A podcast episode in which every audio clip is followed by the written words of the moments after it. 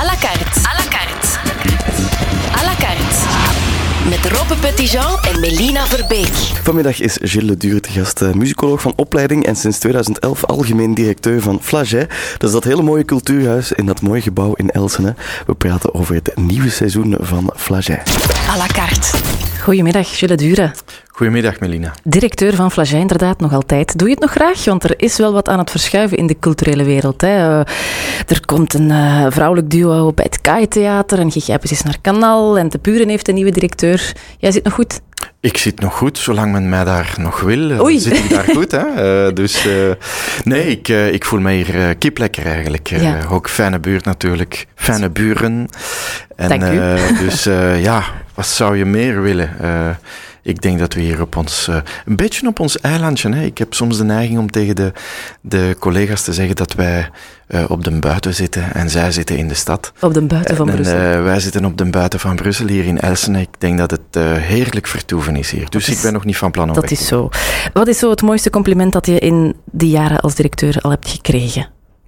Ik denk dat het, en het komt dikwijls terug, is dat we een, ehm, een gezellig huis zijn, ehm, waar het er eh, ontspannen, ehm, relatief informeel eh, en toch kwalitatief hoogstaand aan toe gaat. Dat is het beste van alle werelden eigenlijk. Ja, dan, eh, dan ben je blij als je zoiets hoort. Dat kan ik geloven. Het nieuwe cultuurseizoen van Flaget, daar gaan we het vandaag ook over hebben. En de rode draad is Duitsland. Waarom Duitsland?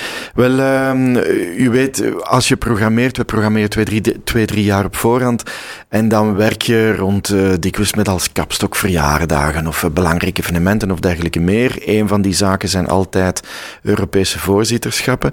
En hoewel wij daar eh, niet systematisch aan meedoen omdat wij niet zo, zozeer in culturele diplomatie eh, geëngageerd zijn, eh, was dit toch wel een belangrijk voorzitterschap voor ons in 2020, van eh, zomer 2020 tot kerstmis. Ehm, het is een van de grootste landen van Europa. Het is een koploper in heel veel zaken. Het is een land met een gigantische, boeiende actualiteit, cultuurleven. Dus we dachten, kennen wij dat land? En, Nee, eigenlijk nee, niet zo goed, Eigenlijk hè? niet, hè? Het is toch, Duits is onze derde cultuurtaal, onze derde nationale taal in België. Officiële taal ook? Officiële taal. En eh, het is dikwijls met de praktijk van het Duits erbarmelijk gesteld bij ons. Verder dan wat Jean-Marie Pfaff gestamel komen we over het algemeen niet. Eh, ik ook niet trouwens. En ehm, dan begin je je vraag te stellen, waarom is dat zo? En, en hoe zit dat? Heeft dat een geschiedkundige ehm, reden? Heeft dat een geografische reden? En het antwoord ligt natuurlijk in een veelheid van redenen. En dus dachten we, we doen een seizoen waarbij we de mensen Duitsland leren kennen. Door verschillende thema's, door eh, verschillende genres. En het wordt een heel seizoen uh, Let Duitsland. Ja, Let Duitsland, daar gaan we het zo meteen over hebben. À la carte. Ja, Duitsland als focus in het nieuwe cultuurseizoen van Flaget. Jullie zijn ervoor een partnerschap aangegaan hè, met het eh, Goethe-instituut hier in Brussel. Hoe verloopt die samenwerking? Die verloopt schitterend. Uh, wij hebben al lang partnerships met, uh, met Goethe. Uh, maar het is de eerste keer dat we zo'n omvangrijk thema hebben. Van ja, je kan niet omvangrijker bij manier van spreken. Nee, je hebt heel het land gewoon. We hebben gewoon heel het land genomen. Um, dus daar is twee jaar voorbereiding aan vooraf gegaan. Het Goethe-instituut heeft daar ook serieus wat mee in geïnvesteerd trouwens. Uh, niet alleen aan mankracht, maar ook aan uh, financieel heeft het, heeft het Goethe ons geholpen. En natuurlijk, je, kan daar dan um, onmiddellijk putten in een uh, onmetelijk uh, repertoire, maar ook vooral reservoir van kennis, uh, zowel over de geschiedenis als over het hedendaagse Duitsland en wat er nu een hot topic is en wat nu media bezighoudt of cultuurhuizen in Duitsland. Ik denk dat het allergrootste cultuurinstituut ter wereld is, het Goethe-instituut. Ze zijn overal vertegenwoordigd. En een van de zaken die hen kenmerkt is dat ze natuurlijk, dat is veronderstel ik dan weer zo typisch Duits, heel grondig zijn. Ja, die gründlichkeit, dat is uh, geweldig hè, bij Duitsers. Waren er dan geen taboes? Mocht je over nee. alles... Nee, dat moet ik zeggen, dat is iets ongelooflijk, want wie Duitsland zegt, zegt natuurlijk al onmiddellijk. Um, de, de reden waarom hè, we daarmee begonnen zijn, uh, uh, is dat wij het niet zo goed kennen. En als je dan gaat graven waarom we Duitsland niet zo goed kennen, dan duikt op een bepaald moment die vermalendijde 20e eeuwse geschiedenis toch wel weer op. We komen ook net uit vijf jaar uh, um, her, herdenking van de Eerste Wereldoorlog. De tweede wordt gelukkig uh, constant herdacht. En, en dan vooral natuurlijk de holocaust die daaraan verbonden is. En wat mij ongelooflijk um, is opgevallen is dat geen enkel taboe uh, werd uit de weg gegaan. Of er was niks taboe. Samenwerken ook er zijn geen taboes. Het is heel fijn samenwerken met een, met een uh, belangrijke zin voor um, eerlijk en grondig aanpakken van moeilijke onderwerpen. Ja, zullen we eens wat, wat nauwer gaan kijken of wat, wat ge, gedetailleerder gaan kijken? Want er is um, ja, een folder samengesteld ook en een programma samengesteld onder de titel Let Deutschland. Waarom zo'n bizarre titel? Wel, ten eerste, we, wij bieden het natuurlijk aan Flagey co-communautaire. Dus wij bieden het ook aan voor uh, zowel de, de Nederlandstalige, de Germaanse uh, uh, ge, geaarde mensen in Brussel als de eerder Latijns gerichte mensen. Dus in in mensentaal vooral Nederlandstalige, Franstalige. Um, maar waarom zeg ik Germaans en Latijns? Omdat uh, een van de zaken waar we mee begonnen zijn, is het feit dat we vorig jaar op een bijna onzichtbare manier uh, gegaan zijn over uh, eh, 450 jaar, 80-jarige oorlog. En dan zeggen de mensen, oeh, wat is dat nu weer? Um, en dat is eigenlijk bijna een eeuw van godsdienstoorlogen die uh, in de overgang van 15e naar 16e eeuw in onze contraien, maar voornamelijk eigenlijk in Duitsland woedt. En wat is daar het resultaat van? Ehm, buiten het feit dat je een, een grosso modo opdeling krijgt tussen een noordelijk protestants deel van Europa en een zuidelijk eerder katholiek getint deel, dat je daar grote mentaliteitsverschillen die dan ontstaan. En een van de zaken die je dan hebt, als je het over Duitsland hebt, is, ja, waarom zijn zij anders? En wat is dan anders? En uh, is dat iets dat geldt voor dat hele land, ja of nee? En als je dan begint te graven, dan zie je dat die 16 landen eigenlijk heel, heel verschillende mentaliteiten uh, uh, tonen en, en vertonen. En uh, dat die, uh, die band ergens te maken heeft met iets dat ook met onze gouden eeuw te maken heeft. Ja. En wij liggen dan altijd, zoals altijd weer in het midden van het bed, ergens op de breuklijn. typisch. En uh, typisch. En dan loopt dat allemaal, stroomt dat zo door onze, door onze contraien en door onze aderen. Ja, dus die 80-jarige oorlog, die zit er al mee in? Die zit er al mee in. Daar daar zit natuurlijk een heel uh, programma aan verbonden. Uh, dat gaat van, uh, van een later renaissance-programma tot natuurlijk de residentie van Philippe Herrewegen met Collegium Vocale. en Bach, die daar als centrale of eindfiguur, want Bach, Bach leeft na deze oorlogen, moet je weten. Bach is iemand die laat 17e eeuw en, en begin en tot de eerste helft van de 18e eeuw leeft, maar die eigenlijk een groot synthesefiguur is dus als je over Bach spreekt, dan spreek je over alle muziek die ervoor gekomen is. Mensen zoals Sein, mensen zoals Schütz. Uh, maar dus, dat zijn allemaal mensen die beïnvloed geweest zijn door heel dat denken van Luther ook. We hebben ja. twee jaar geleden 500 jaar Luther herdacht. Dus dat is een hele rijke wereld die met de, uh, uh, met de, de residentie van het collegium hier wordt herdacht. en eigenlijk gestalte krijgt. Wat ik er nog, nog, ook nog wil uitpikken uit die Duitse focus is... Um, ja, Rent the German, jullie gaan Duits ja verhuren? Ja, wij gaan Duitsers verhuren samen met het Goethe. En dat is natuurlijk, we zouden over heel veel muzikale zaken kunnen spreken. Maar we dachten dat misschien eerder dan dat wij zouden uh, zowel muzikale als filosofische thema's aanhalen, dat het leuk zou zijn dat je echt een Duitser in huis kan halen. Die gewoon bij jou een avond of een middag uh, komt, komt praten over zijn land, over zijn streek. Misschien komt koken voor jou. Uh, of gewoon komt zeggen hoe hij een zondag doorbrengt met zijn gezin hier in Brussel. En wat daar dan misschien nog Duits aan is of niet meer.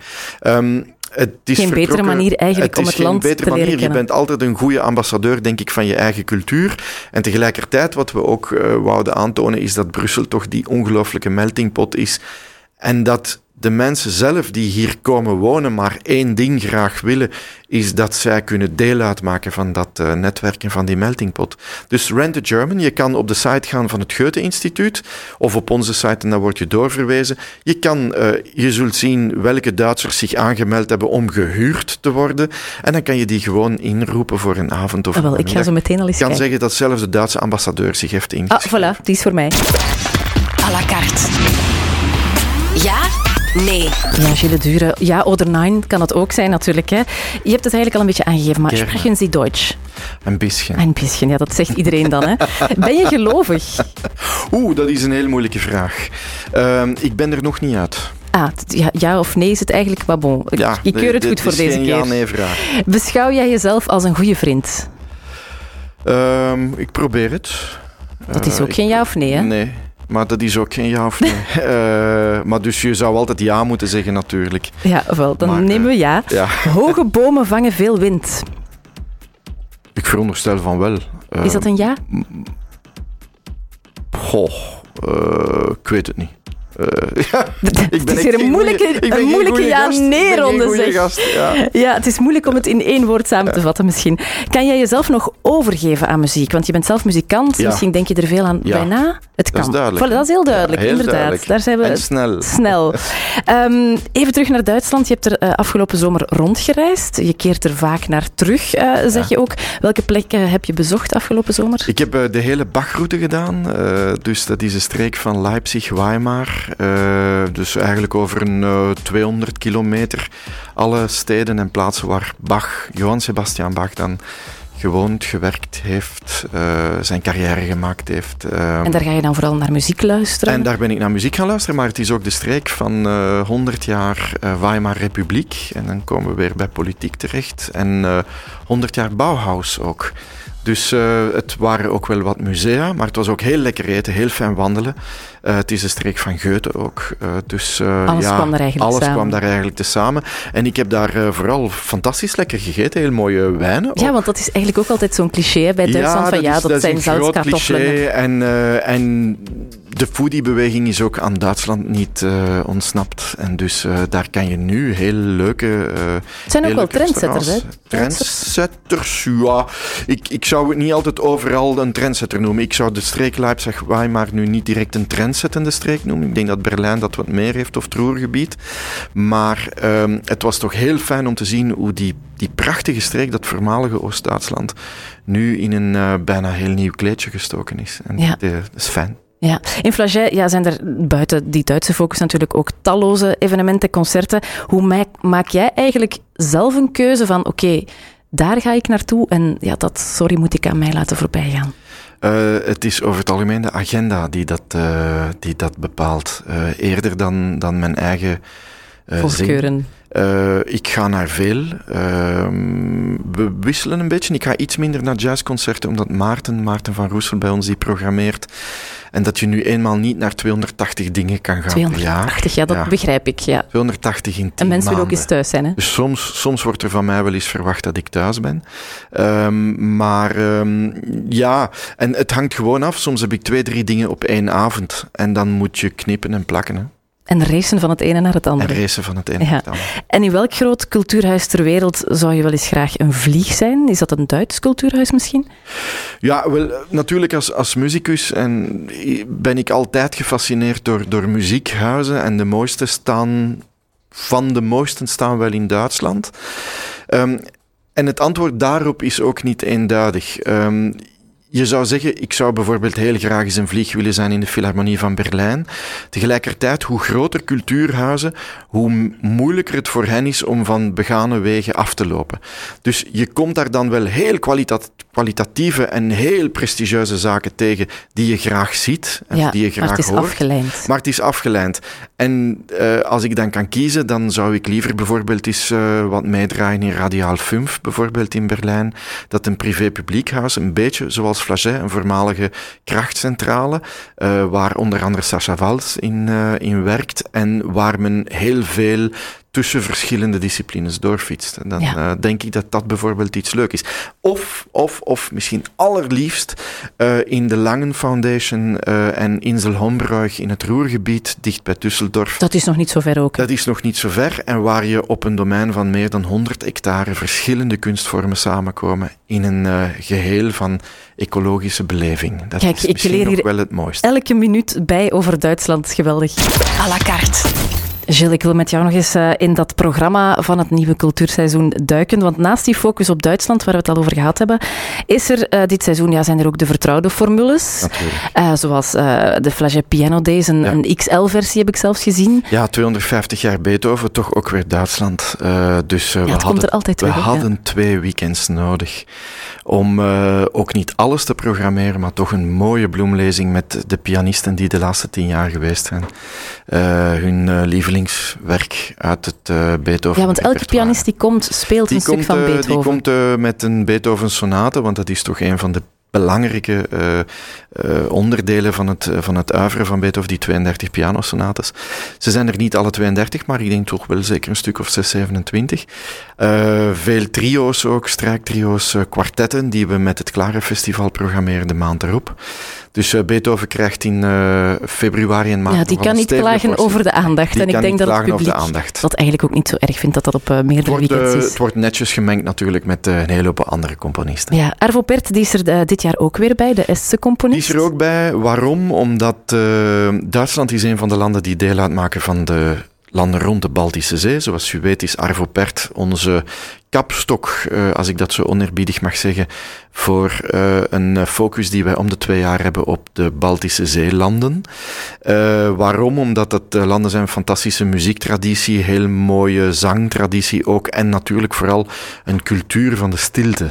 en dat is een van de basiselementen die ja. wij hier ook cultiveren. Zonder stilte geen muziek. Zonder stilte geen muziek en zonder goede stilte geen goede muziek. dus Pert is daar een centraal figuur. En waarom Pert in Duitsland? Omdat Pert 30 jaar lang eigenlijk onderdak gevonden heeft in Berlijn, uh, het bezette Berlijn, het gedeelde Berlijn, maar waar hij vrij was om uh, zijn gans nieuwe zoektocht te maken. Dus Berlijn ook als uh, symbool van stad van alle mogelijkheden. En we hebben hier nog net elektronische muziek gehoord, Duitse elektronische muziek, of toch iets dat daarmee verwant is, waarbij Berlijn daar een van de bakermatten, zegt men dat zo? dat is, kan. Dus ja, Arvo Pert en Berlijn was een evidentie in dat Duitslandjaar. Ja. Heb je zo nog een folieke voor mensen die echt uit hun comfortzone willen komen dit jaar? Ik zou zeggen, het Danish String Quartet volgende week. Dat is een van de allerbeste kwartetten van het ogenblik. Wij focussen daarop omdat dat zo goed past in de akoestiek ook van onze studio's. En het Danish is een uh, knotsgek uh, jong kwartet uh, dat op razing... Het ziet er een beetje een boysband uit als het je het op de website ziet. Het ziet er een boysband uit en ze, maken, ze brengen een mix eigenlijk van Noorse folk en dan meer traditioneel strijkkwartet uh, genre. Dus ik denk dat dat een heel leuke ontdekking wordt.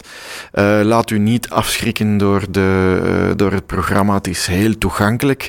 Maar het is vooral een uiterst gewaagde en ik zou zeggen buiten de lijntjes kleurend kwartet. Daar zijn we voor, hè, buiten de lijntjes. Zelfs met een Duitse focus of een Deense focus. Hoe bewaak je eigenlijk als cultuurhuis, want we hebben nu ja, de, de, de klassiekers, zal ik maar zeggen. We hebben dan dat, uh, die Duitse rode draad. Hoe bewaak je als Flaget het evenwicht tussen ja, de grote kleppers en de verrassingen? Dat leer je. Um, hoe jonger je bent als programmator, hoe meer je de neiging hebt om heel de tijd buiten de paden te treden. Uh, dat is normaal. Um, en hoe ouder je wordt, hoe meer je inziet dat je um, de, de, de kleine wegjes of de zijwegjes alleen kan bewandelen als je ook af en toe over een boulevard stapt. Dat het normaal is dat die twee aan elkaar hangen en dat dat het dichte netwerk is van uh, programmeren of van kunstaanbod uh, in het algemeen. Tenzij je geen generalistisch huis bent, maar dat zijn wij wel. Hè. Um, en dus uh, je leert dat gaandeweg.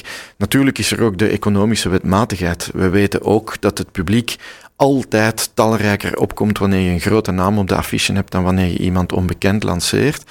En het is die mix, als die goed gemaakt is, dan weten de mensen dat, dan hebben ze vertrouwen in hun huis en dan komen ze ook makkelijker naar iets waar je misschien niet aan gedacht had of misschien op het eerste zicht niet van houdt. Ja, nog even terug naar jouw uh, vakantie in Duitsland. Wat heeft jou daar verrast? Rust. Ik, uh, heb, uh, ik, ik ben tien dagen. Het was, het was eigenlijk een werkvakantie trouwens, want het was een, een stukje voorbereiden ook voor hier. Maar ik heb zelden zo, zo'n stilte, zo'n kwalitatieve stilte gehoord als in de streken rond Weimar en Leipzig. dat is ongelooflijk. Wat mij daarna heel hard opgevallen is, dat is dat ik op die warmste, fameuze warmste dag, 42 graden dag in Düsseldorf was waar alle vrouwen van sheiks en emirs uit uh, het Arabisch Schiereiland uh, kwamen shoppen. En dus plotseling dacht ik dat ik uh, rondliep in Doha of in een of andere hoofdstad. Het was ongelooflijk, was heel eigenaardig ook. Um, en die mensen zijn daar voor de nieuwste collecties die dan in Düsseldorf, die een van de belangrijke shoppingsteden en ook een van de belangrijke steden is voor design en mode. Ehm, dan kom je in dat Roergebied terug naar die absolute rust. En plotseling in dat heel dichtbevolkte Roergebied, waar een tiental steden, denk ik, uh, zijn van uh, 4 à 500.000 inwoners elk. Cultuur- en temperatuurshock. Cultuur- en temperatuurshock, ja. À la carte. Op de plank. Ja, Gilles Dure, er ligt nog veel op de plank, hè, want het is een heel uitgebreid programma uh, in het nieuwe cultuurseizoen met focus op Duitsland. We hebben het over één verjaardag nog niet gehad, de val van de muur. Natuurlijk, de val van de muur is de, de andere kant van het verhaal. Um, en daarover hebben we het dan ook uitgebreid in de, in de lezingenreeks uh, Le Duitsland, die naast al wat uh, muzikaal geprogrammeerd is, aan bod komt. En in die lezingenreeks die we openen op 21 september, dus binnenkort, volgende zaterdag, zaterdag binnen tien dagen, komt onder andere Thomas Meineke, een van de echt belangrijke Duitse auteurs nu. die komt een lezing houden, maar die komt ook DJ'en. Enfin, bon, daar is een heleboel zaken die daar gaan doorgaan.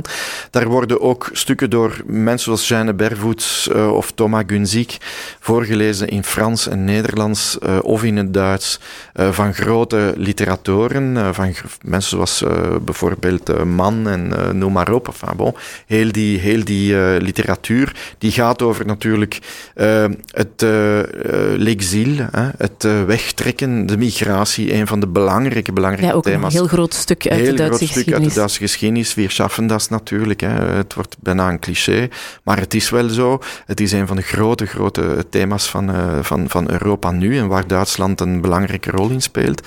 En dan hebben we een ander thema rond die val van die muur die aangehaald wordt in Heimat 3. Voor degenen die drie jaar geleden Heimat 1 gezien hebben van Edgar Reitz, nu tonen we Heimat 3. En dat is een, duizend, dat is een honderdjarige chroniek van Duitsland in 100 uur film, waarbij Heimat 3 het stuk geschiedenis beschrijft of toont in tien films van uh, 89, 1989, de val van de muur, tot ongeveer 2005. En uh, Reitz komt daar ook over debatteren. En dan iemand die ik iedereen aanraad om te lezen, dat is een dame Geraldine Schwartz. Ah, daar zijn de Duitse vrouwen, want ik dacht al... De Duitse vrouwen zijn zeker aanwezig. We hebben het er weinig over gehad, maar die zijn zeker aanwezig, uiteraard. Um, en ook Duitse vrouwen met roots elders, trouwens in Europa of in het Midden-Oosten. Uh, maar Geraldine Schwartz, een Frans-Duitse, die zich de vraag stelt over wat verantwoordelijkheid is en of wij een geheugen hebben en of wij dat geheugen soms wel niet eens dreigen te verliezen. Dat ook is een heel belangrijk aspect uh, van uh, onze omgeving en van onze politieke wereld vandaag. Uh, en uh, we vonden dat Schwartz in debat brengen met uh, Edgar Reitz, een 40-jarige vrouw met een 83-jarige man. en dat allemaal begeleid door de grande dame Laure Adler van Arte, u wel bekend. dat dat wel voor een schitterende avond moet leveren in december. En dat is op? Dat is op en ik kijk even, even naar mijn speed, 15 december. Voilà. Uh, dus uh, we hebben nog even tijd. Maar ik raad u echt aan om daar naar te komen. Want de, het uh, boek dat Geraldine geschreven heeft over het standpunt van of wij nu geheugenloos zijn of niet, want daar gaat het over. Het boek heet De Geheugenloze. Mm -hmm. over hoe dat je omgaat met fout zijn of foute dingen doen ja, in je land en in je geschiedenis. Ja, daar kunnen we allemaal wel over meespreken. Daar kunnen we allemaal denk over ik. meespreken. Nog heel kort, wat staat er vandaag nog in je agenda, Gilles Dure? Uh, veel. Nu loop ik naar een vergadering aan de andere kant van de stad. Daarna heb ik een belangrijke programmavergadering over 2022 met het team. Dan een vergadering met financiële directie. En daarna komt er nog uiteraard een evenement bij ons vanavond. Design September. dat aan bod komt met Francesco Gomez Paz. die onder andere een designer is die bekend is van het bekende lampenmerk Artemide. Dus uh, die komt praten vanavond in Flagey. Ik denk dat het boeiend wordt. Ja, dat is al één van de dingen die jij hebt aangekruist in Uiteraard. je agenda. Dankjewel, Gilles Dure. Ja. Heel hartelijk dank. Duitsland beter begrijpen middels uh, cultuur, dat kan je dus binnenkort gaan doen bij Flagey. Alles over dat nieuwe seizoen van Flagey, dat ontdek je gewoon op flagey.be. À la carte. Volgende week gaat het in à la carte over de Week van de Mobiliteit met heel wat mobiliteitsexperts. Uh, belangrijk thema in Brussel, zeker als je elke dag, net zoals ik en heel veel andere mensen, moet racen om op tijd op het werk te geraken. À la carte, dat is elke dag opnieuw een interessante gast op radio en tv. Stel jouw vraag via beurs.be of WhatsApp